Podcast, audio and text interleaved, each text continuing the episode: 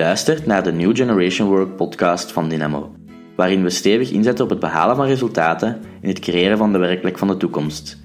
In deze podcast verdiepen we inhoudelijke thema's, reiken we je praktische modellen aan en geven praktijkvoorbeelden.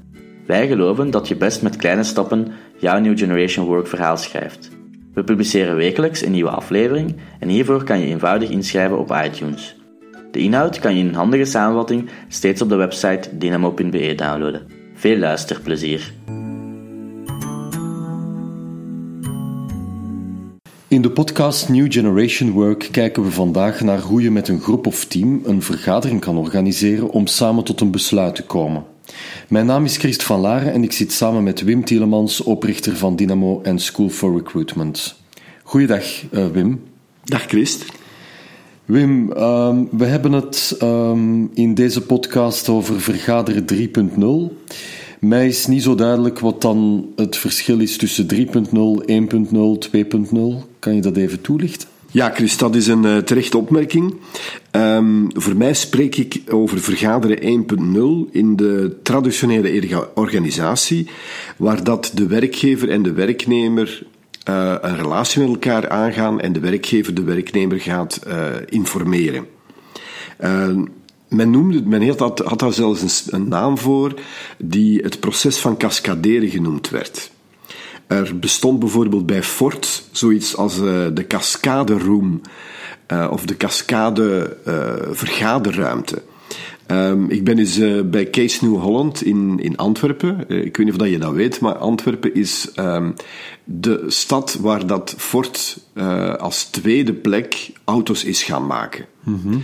En um, als je nu nog in, in die gebouwen rondloopt, dan zijn daar twee ruimtes waar dat, het plaatje ophangt, Cascade Room.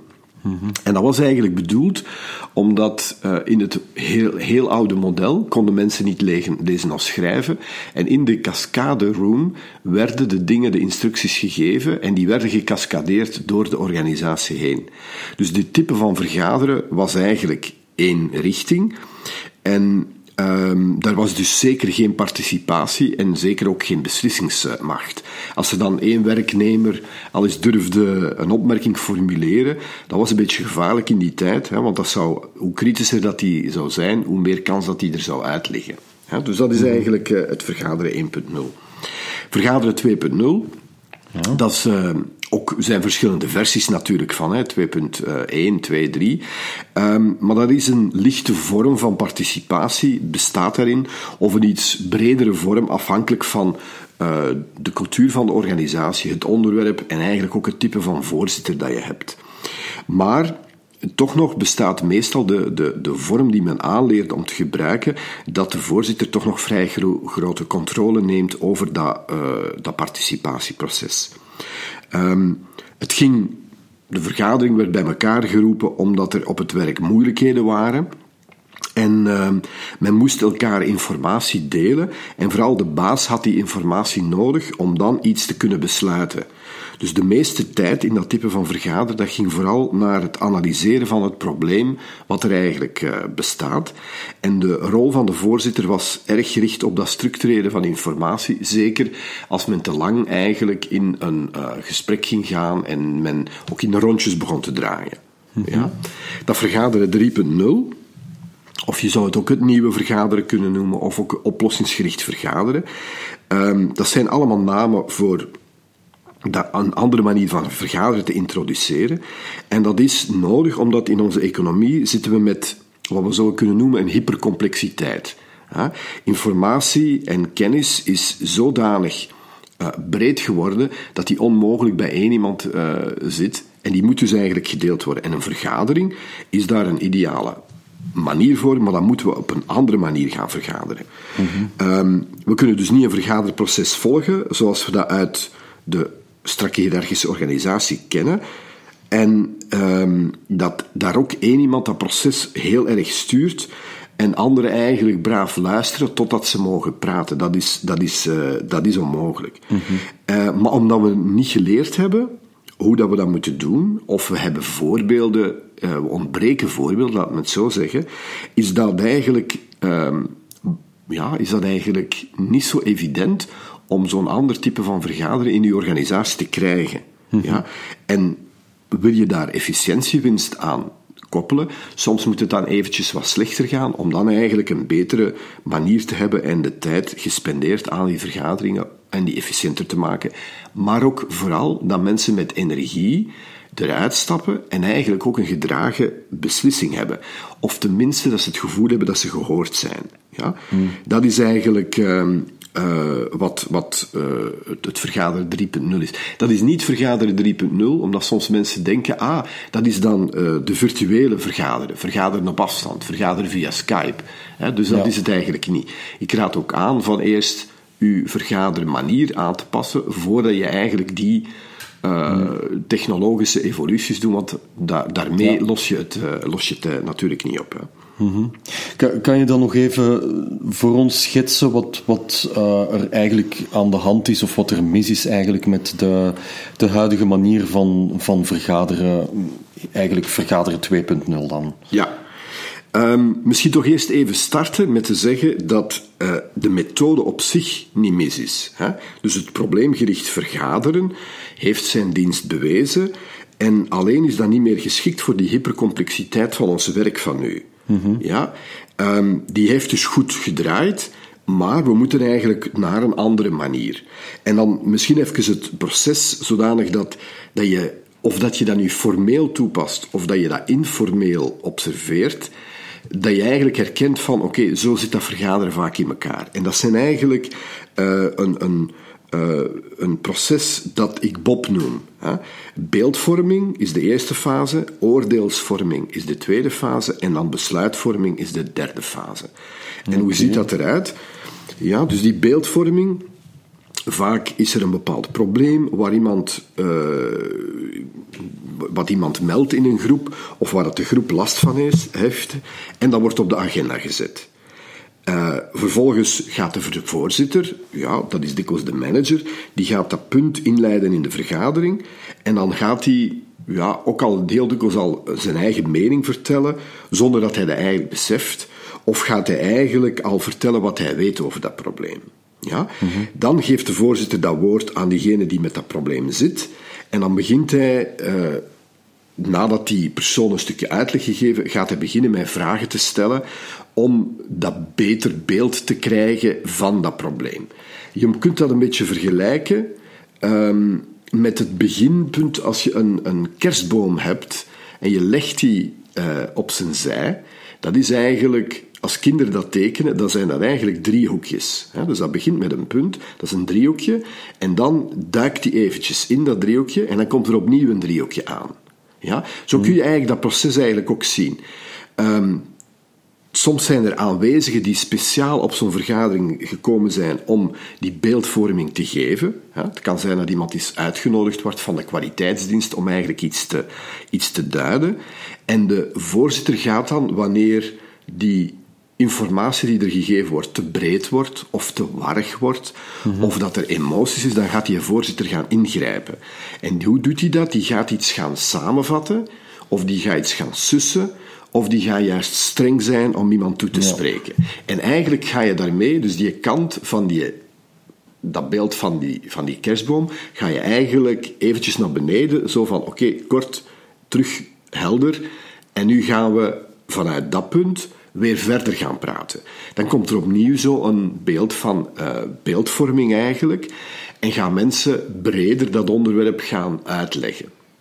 Ja, mm -hmm. Opnieuw wordt dat wat warrig, opnieuw duurt dat wat lang. En wat gaat de voorzitter doen? Die gaat opnieuw een bepaalde samenvatting geven. Ja, en zo kom je eigenlijk geleidelijk aan verder. Maar het is eigenlijk de, de oordeelsvorming wordt gedaan tijdens die beeldvorming. Dus telkens als je zo een samenvatting gaat geven, die dat de voorzitter doet, komt er eigenlijk een iets helderder beeld. Maar dat is niet noodzakelijkerwijs het beeld dat um, zou gevormd worden, mocht dat vrijer die informatie gedeeld worden.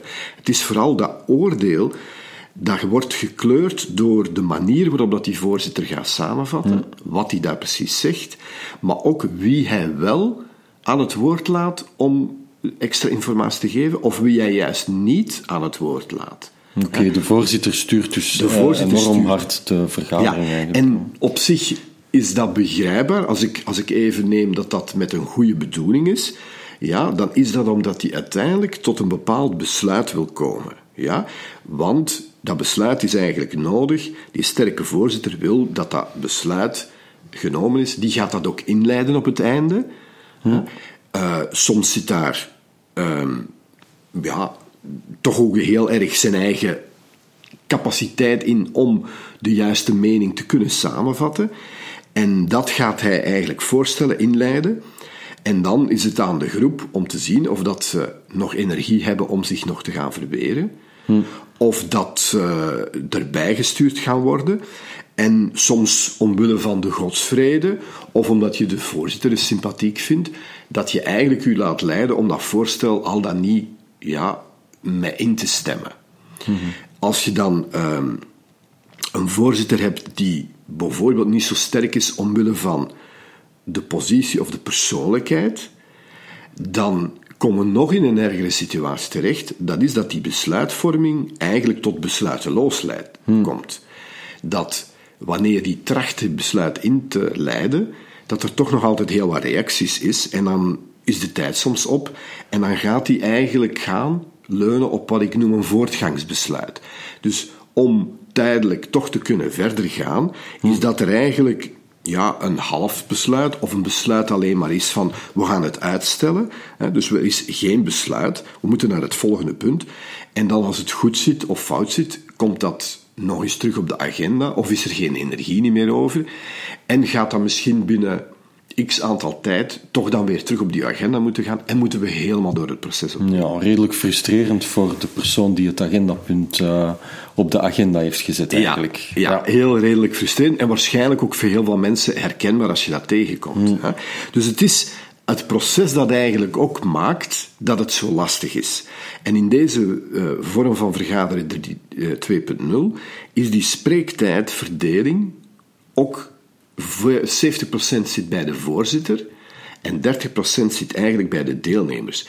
Dus dat is geen, geen Ja. evenredige spreektijdverdeling. Niet evenwichtig eigenlijk. Dat is niet evenwichtig. En zo kom je ook tot, niet tot een gedragen beslissing. Ja. Dat is niet breed, niet neutraal en niet rustig geëxploreerd. En daardoor kruipt er zoveel tijd in. Dus we moeten daar iets anders voor eh, in de plaats zetten. Ja, vergaderen 3.0 dus. Inderdaad. Ja, ehm, je maakt ons eigenlijk wel nieuwsgierig, Wim, van, van hoe je dat gaat aanpakken, want ehm, mij is het niet zo duidelijk. Ja, ja, daar is de podcast er natuurlijk voor. Eh, en dat is ook goed, want nieuwsgierigheid dat scherpt ons luistervermogen. Hè? Dus eh, door, eh, doordat we nu iets nieuws gaan leren, ehm, heb je misschien ook eh, de goesting om daar nadien iets mee te gaan doen. Hè? En dat is uiteindelijk in eh, de podcast over New Generation Work, dat is onze bedoeling. Hè? Nu, de methode vergaderen 3.0, ja, of vergaderen op een oplossingsgerichte manier, dat werkt anders. En ik ga dat gewoon uitleggen omdat het, eh, het, het is een, vooral een doe-activiteit. Maar ik ga dat doen door vijf principes uit te leggen die dat vergaderproces participatief maken. Ja, en die gaan dan eigenlijk wel een richting geven van oké, in welke richting gaat die vergadering dan gaan. Ja. Ehm, het eerste principe dat we gaan laten vallen, dat is het principe dat ik daarnet uitgelegd heb van die beeld- en oordeelsvorming voordat we eigenlijk naar dat besluit gaan. We gaan niet meer graven in de historiek waarom dat er iets lastig is. Ja? Dat is heel veel tijdwinst dat je daarmee gaat maken. En ik kan het niet beter uitleggen met een quote van Steve DeShazer, dat is de grondlegger van het oplossingsgerichte eh, werken. En die zegt: Problem talk creates problems. Solution talk creates solutions. Ja, dus hoe langer dat we over problemen Ja. praten, hoe meer dat we ze eigenlijk creëren, hoe meer dat we over de oplossingen praten, hoe meer dat we de oplossingen gaan creëren. ja, duidelijk. Oké, tweede principe, dat is wel heel eh, ongewoon, maar dat is eh, het bepalen van wat op de agenda staat. Dat kan door iedereen worden ingevuld. In sommige organisaties is het toch nog altijd dat het op voorhand ingevuld wordt, maar het is niet meer een voorzitter die het verzamelt en dan beslist of dat het er al dan niet op komt. Nee, het is eerder bijvoorbeeld een online document waar iedereen toegang in heeft en iedereen eigenlijk ook onderwerpen kan inzetten en eigenlijk ook kan zien van is daar nu de tijd ook voor. Ja. Ehm, maar, en dat is misschien ook uh, ongewoon, bij het starten van de vergadering is ook dat mogelijk, dat er een agendapunt geformuleerd wordt. Waarom? Omdat je heel vaak, zeker als er groepen zijn die niet zo frequent vergaderen, zijn er soms dringende problemen die verschijnen, die net verschenen zijn, die eigenlijk moeten besproken worden. En die gaan toch vaak, een groep die voelt van dat het moeilijk is, gaat toch vaak de agenda, hm. ja, punt, daar eerst voor nemen of dat toestaan. Ja. En, maar dan is aan dan nog het bestaande agenda er nog in te steken, dat gaat eigenlijk ook niet. Dus je accepteert ook zelf dat je eigenlijk een agenda hebt en dat agendapunt, dus iemand die een agendapunt erop zet, dat is ook wel belangrijk, is die gaat dat agendapunt zelf inleiden en dat is ofwel een vraag dat hij heeft, ofwel een spanning dat hij voelt, ofwel een voorstel dat hij wil formuleren. En die wordt altijd helder geformuleerd door de aanbrenger. Ja, ik ga een voorbeeld geven. Ja, mhm. Bijvoorbeeld de vraag kan zijn in zo'n team: hè, ik ga op zwangerschapsverlof over drie maanden en ik wil een backup organiseren en ik weet niet hoe dat ik dat opzet. Dat is echt een vraag. Ja. Ja? Het kan ook zijn een spanning. Dat iemand zegt, Goh, ik vind dat we niet goed bezig zijn met onze verkoop en ik word daar eigenlijk onrustig van. Ja. Ja? En dan een voorstel, dat is eigenlijk al iets verder. Iemand die zegt van, ik stel voor dat we eindelijk gaan beter werk maken van bijvoorbeeld hè, onze taakverdeling. En ik heb een podcast gehoord over teamcrafting. Mijn voorstel is dat we dat proces gaan starten. Dat is heel helder. Hm. Voilà, dat is eigenlijk... Maar, maar eigenlijk vertel je er dan ook bij van wie, wie wat gaat doen dan op dat moment? Het voorstel is nog alleen maar het voorstel. Dus daar is nog niet uitgewerkt dat. Wat wel is, dat, en dat is het derde principe dat je eigenlijk gaat doen, is of dat je nu de vraag, de spanning of het voorstel geformuleerd hebt, we mogen er niet van uitgaan dat mensen meteen helder begrijpen waarom dat dat agendapunt erop staat. Ja, waarom dus het noodzakelijk is. Ja, waarom het noodzakelijk is. Dus dat derde principe is dat er altijd eerst een verduidelijkingsronde komt, mhm. ja, dat dat gegeven wordt voordat mensen gaan reageren. Ja? Mhm. Ehm, dat is een proces van verhelderende vragen, waar dat je reacties of suggesties gaat toestaan. En als die verheldering er gekomen is, voordat we gaan discussiëren, dan discussiëren we over waar het werkelijk over gaat. Ja. ja.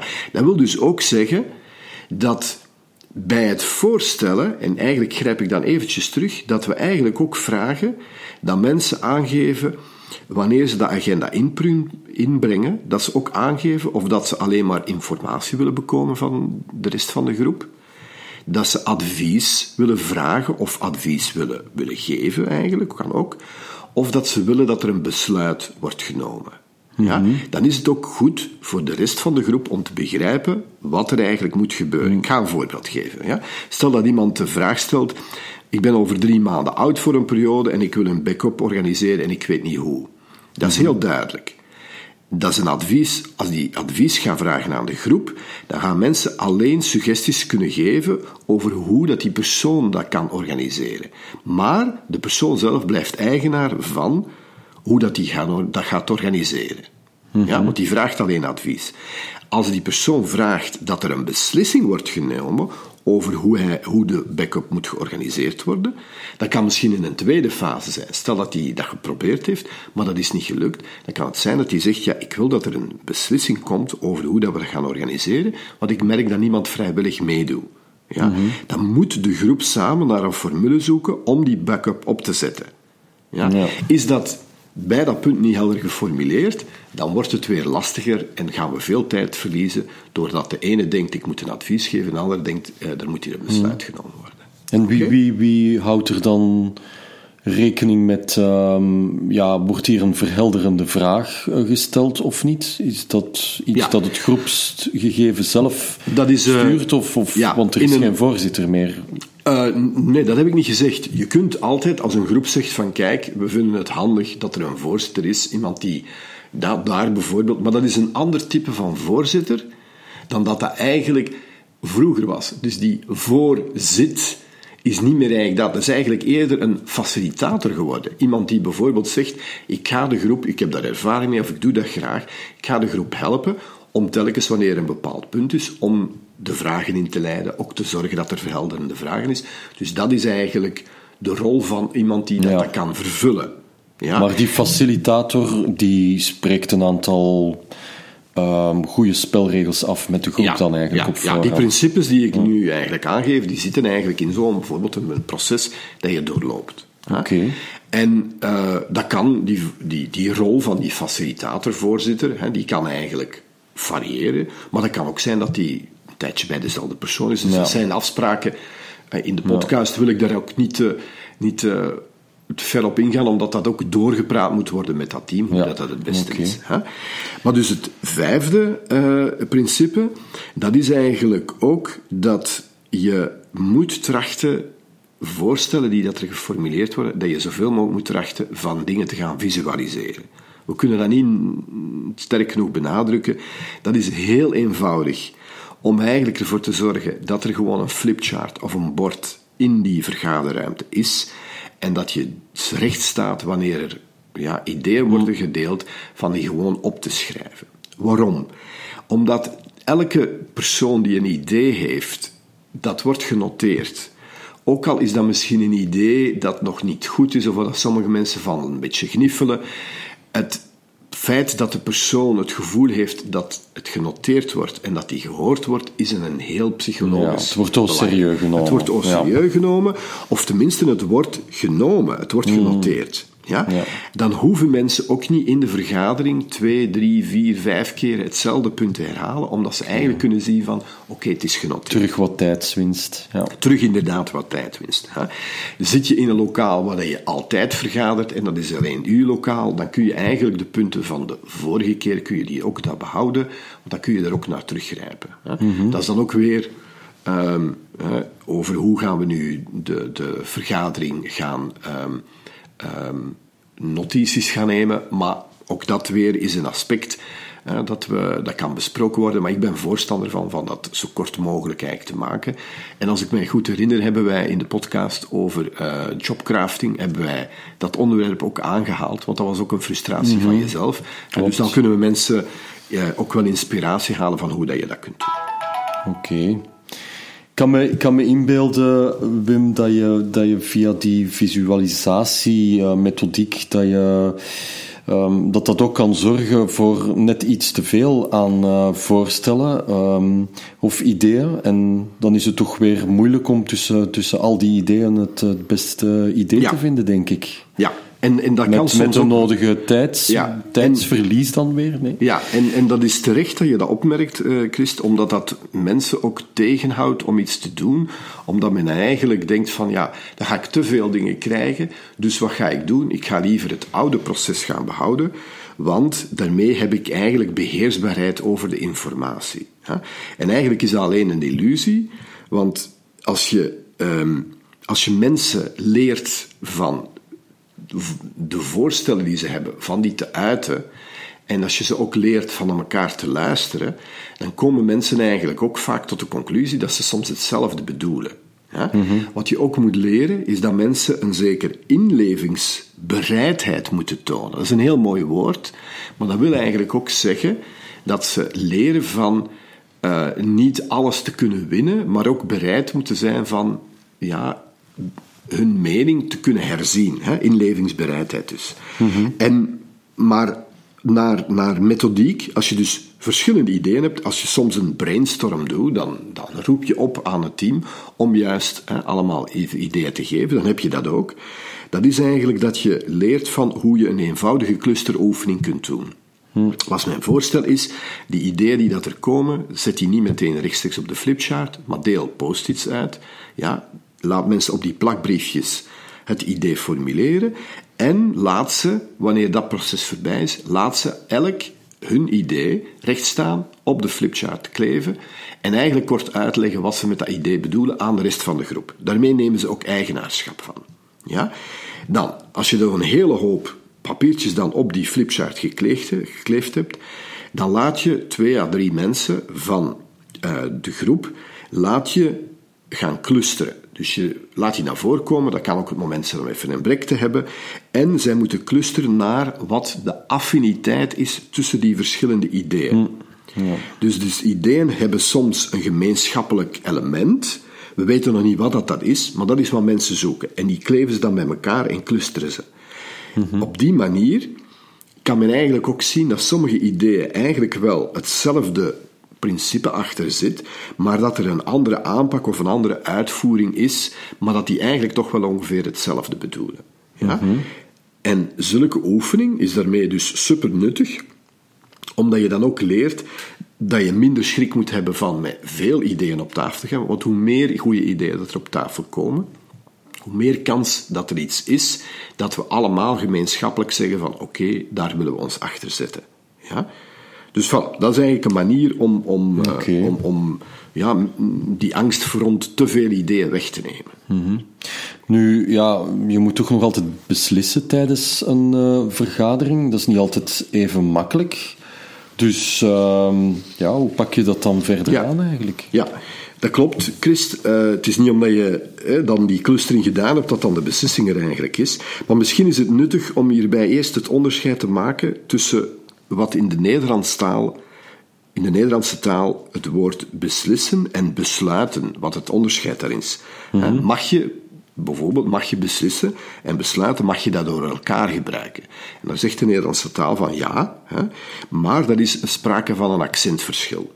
Okay. Bij het gebruiken van beslissen ligt de nadruk op het doorhakken van een knoop. Mhm. ja, zodat een bestaande onzekerheid een einde wordt aangemaakt waar dat eigenlijk bij besluiten ligt het accent op na rijp beraad. Dat is zo'n heel oud woord, maar komen tot een keuze tussen allemaal verschillende alternatieven. En vaak gaat het, vroeger ging het over besluit, beslissen, en nu gaat het over besluiten. Dus het proces om tussen alternatieven uh, uh, de juiste keuze te maken. Dus een vergadervoorzitter die wil beslissen ja, of dat zijn idee het beste is, of die, dat kan ook subtiebeler zijn, dat hij een bepaald uh, voorkeur heeft voor een bepaald idee, die gaat daar geen proces van co-creatie inzetten. Mm. Die wil eigenlijk gewoon dat er helderheid en dat er iets, een knoop doorgehakt wordt. Dus door minder ideeën te bekijken, wordt het beheersbaarder en dan kan die, ja, kan die zeggen, kijk, we hebben een besluit genomen, nu moet het eigenlijk nog uitgevoerd worden. Maar daarin loopt het dan ook weer terug opnieuw mis. In die nieuwe vorm van werken is dat mensen, ja, het is niet omdat het besluit genomen is, als ze er niet achter staan, dat ze er eigenlijk gaan aan werken. Misschien hoogstens wanneer hè, de manager ernaast staat, dat ze het dan wel doen, maar als die dan uit het gezichtsveld is en je doet het niet, ja, dan heb je eigenlijk nog altijd geen echt besluit. Dus we moeten ervoor zorgen dat mensen het zelf willen doen, dat ze het niet opgedrongen voelen. En dan ligt de winst om dat proces langer te doen laten lopen of helderder te laten krijgen, ligt in dat nadien, wanneer tot een besluit gekomen is, dat mensen eigenlijk ook geëngageerd zijn om het eigenlijk ook te gaan inpassen. En zo creëer je de werkplek van de toekomst, doordat je eh, een betere vergadering eigenlijk gaat hebben dat je alle meningen op tafel krijgt en dat je dan een besluit komt ja, dat uh, gratis, uh, dat, dat uh, een snelle uitvoering is en de motivatie, dat wil ik zeggen, die krijg je er gratis eigenlijk bij. Ja? Dus als je echt een andere manier van vergaderen wilt aanleren, dan hebben wij bij Dynamo een, een vergaderscan ontwikkeld die eigenlijk helpt om ja, te zeggen van oké, maar hoe moeten we het nu eigenlijk echt gaan doen en zorgen dat het eigenlijk ook uitgeprobeerd wordt. Oké, okay. vergaderscan. Um, leg eens uit, wat wordt er gedaan bij de vergaderscan? Wel, de eerste stap in zo'n vergaderscan, dat is een observatie van ja, uw huidige manier van vergaderen. Dat kan een team zijn, dat kan een groep zijn, ja, uh, dat kan een formele meeting zijn of niet, maar dus eigenlijk die, die zeggen van kijk, kom eerst eens observeren hoe dat we eigenlijk werken. Geen interventie, we komen alleen kijken en we noteren. Ja? De tweede stap is dat we dan die groep uitnodigen om deel te nemen aan een vergaderen 3.0 workshop. Ja? ja? We hebben een vergadercase uitgewerkt en dan laten we de groep een vergadering doen. Ja? Mhm. We kunnen dan op dat moment alleen maar naar de manier van vergaderen kijken, want de case is natuurlijk niet echt voor die mensen. Ja? ja. Maar op deze manier kunnen we alleen naar de manier van vergaderen makkelijker kijken, los van de inhoud. Ja? ja. Dus um, voordeel is dat de emoties rond het onderwerp dat die eigenlijk ook anders uh, zijn. Hè. Dus kunnen we um, na die twee uh, dingen die gebeurd zijn, kunnen we nu tijdens die vergaderworkshop kunnen we feedback gaan geven over zowel wat er gebeurd is in de echte eh, vergadering, hè, in de eerste stap, en tussen wat er nu gebeurd is in die fictieve vergadering. Je kunt linken leggen, je kunt zaken benoemen, maar het is vooral oplossingsgericht en waarderende feedback die mensen krijgen, waar ze dan ook daadwerkelijk iets mee nuttig hebben. Misschien even kort een interessante uh, uh, anekdote, is door het feit dat je komt observeren in die eerste stap, tonen mensen eigenlijk al veel beter wat ze kunnen in zo'n vergadering aan capaciteiten, aan elkaar luisteren, uitspreken, dat soort dingen, dan dat ze in de traditionele vergadering. Dat telkens hoor ik dat opnieuw, is dat door gewoon iemand extern komt observeren, dat mensen zichzelf eigenlijk al aanspreken op het beter te doen. Ze overstijgen zichzelf. Eigenlijk. Ja, en eigenlijk is dat heel mooi, want dat betekent dat je ook kunt zeggen, wij kunnen dit. We moeten hmm. alleen maar onszelf durven op aanspreken en er eigenlijk altijd bereid zijn van dat te doen. Hmm. Dus, terug in die uh, Vergader 3.0 workshop. Um, ze hebben die feedback gekregen en dan gaan we pas eigenlijk een whiteboard sessie houden van een veertigtal minuten, waarin dat we een andere aanpak kort toelichten. Heel praktisch, omdat we dan nadien die methode meteen gaan inoefenen op de case. Dus de vergader 3.0 uh, manier van vergaderen gaan we toepassen op de case waar dat ze aan aan het werken zijn. Zodanig dat na die sessie de groep, dat kan tijdens de sessie, of dat kan hè, apart van de sessie, kunnen dan beslissen van de methodiek dat we hier nu gezien hebben, vinden we dat nu de moeite waard om in te passen in onze eigen vergadering? Ja? ja? En als dat antwoord ja is, dan ga je pas naar de derde stap. En die derde stap dat is dat we dan eigenlijk geen tijd gaan steken om een opleiding te gaan volgen. Dat is die vergader 3.0 workshop eigenlijk wel voor. Um, maar dat we gaan faciliteren de echte vergaderingen aan de hand van die 3.0 methode. Dus daarmee kun je eigenlijk gewoon de inhoud die nodig is, die vergaderingen die moeten gebeuren, die kun je laten verder gaan, maar je brengt een facilitator tijdelijk in die een overdracht gaat doen van de methode en die de groep gaat leren tonen hoe dat ze eigenlijk moeten vergaderen met die methode. Eens dat dat helder begint te worden, dan draag je die verantwoordelijkheid van facilitator over naar iemand. Je begeleidt ook zelfs het proces, hoe dat je daartoe komt. En dan gaat er nog een tijdje van observatie zijn, om te zien van oké, loopt dat nu goed? Als die observatiefase uh, uitgerold is, dan is onze rol uitgespeeld. Hè? Dan is het team eigenlijk vertrokken. Hm. Wat we wel merken, dat komt dan vaak zondanig goed verstandhouding en vertrouwen ten opzichte van die externe facilitator, dat wanneer het team in ja, moeilijke situaties gaan, dat ze dan toch nog af en toe eens beroep doen ja, en zeggen van kijk, hier raken we niet helemaal uit, kun je toch nog eens even komen en hun dan helpen. Maar dan is het eigenlijk, ja, zoals een beetje als een coach is nu meer en meer aanvaardbaar in de bedrijven dat iemand een coach heeft en dat daarom niet gezien kan worden dat die slecht is. Dus gewoon een manier om sneller vooruit te gaan. Zo is dat eigenlijk ook die teamcoach of die vergadercoach is ook iemand die eigenlijk komt helpen zodanig dat men sneller uit het proces geraakt. Ja? Mhm. Voilà, dat is eigenlijk uh, uh, de vergaderscan. Oké. Goed, bedankt uh, Wim voor deze uitgebreide en boeiende toelichting. Ehm, ik denk dat we zeker een aantal luisteraars geïnspireerd hebben. Uh, luisteraars die nog vragen hebben, kunnen ons ook steeds mailen op info.dynamo.be. Als je de samenvatting van deze podcast uh, wil ontvangen in je mailbox, uh, dan kan je jouw e-mailadres ook achterlaten op dynamo.be slash blog. Um, ja, de volgende podcast, Wim, gaat over uh, beter beslissen, dacht ik. Um, als je zelf als manager of professional uh, over iets in je werk moet beslissen, hoe pak je dat aan? Um, we hebben veel meer keuzemogelijkheden dan vroeger en um, er bestaat toch ook zoiets als keuzestress. lijkt me weer een erg belangrijk en een boeiend thema om New Generation Work te creëren. Ja, dat klopt, Christ. En misschien ook aan de luisteraars eens aan, uh, uh, aanreiken. We gaan die podcast is voorlopig de laatste die dat we dan uh, gaan doen. Mm -hmm. uh, we gaan dan eventjes in uh, een denkfase. De, de podcast, er zijn downloads geweest, maar wat we nog wat missen van de luisteraars is misschien wat feedback over, ja, over de aanpak die we hebben. Misschien dat ze ook suggesties willen aanreiken. Misschien dat ze gewoon willen zeggen: tof jongens, jullie zijn goed bezig. Want anders weten we eigenlijk niet goed. De Vlaming is daar nog niet zo gewoon in van podcast te gebruiken.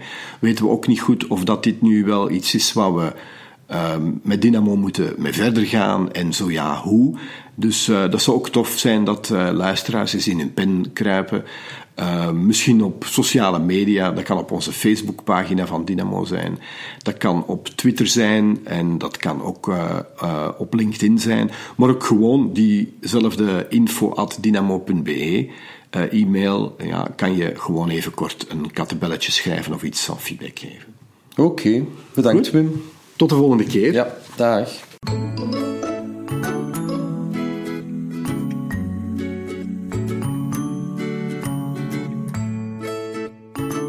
Deze podcast wordt mogelijk gemaakt door Dynamo.be, partner voor training, coaching en organisatieontwikkeling. Dynamo helpt organisaties, teams en individuen om de betere werkplek van de toekomst te creëren. Voor meer opties kijk op jobcrafting.info, schoolforrecruitment.be of sliminterviewen.be.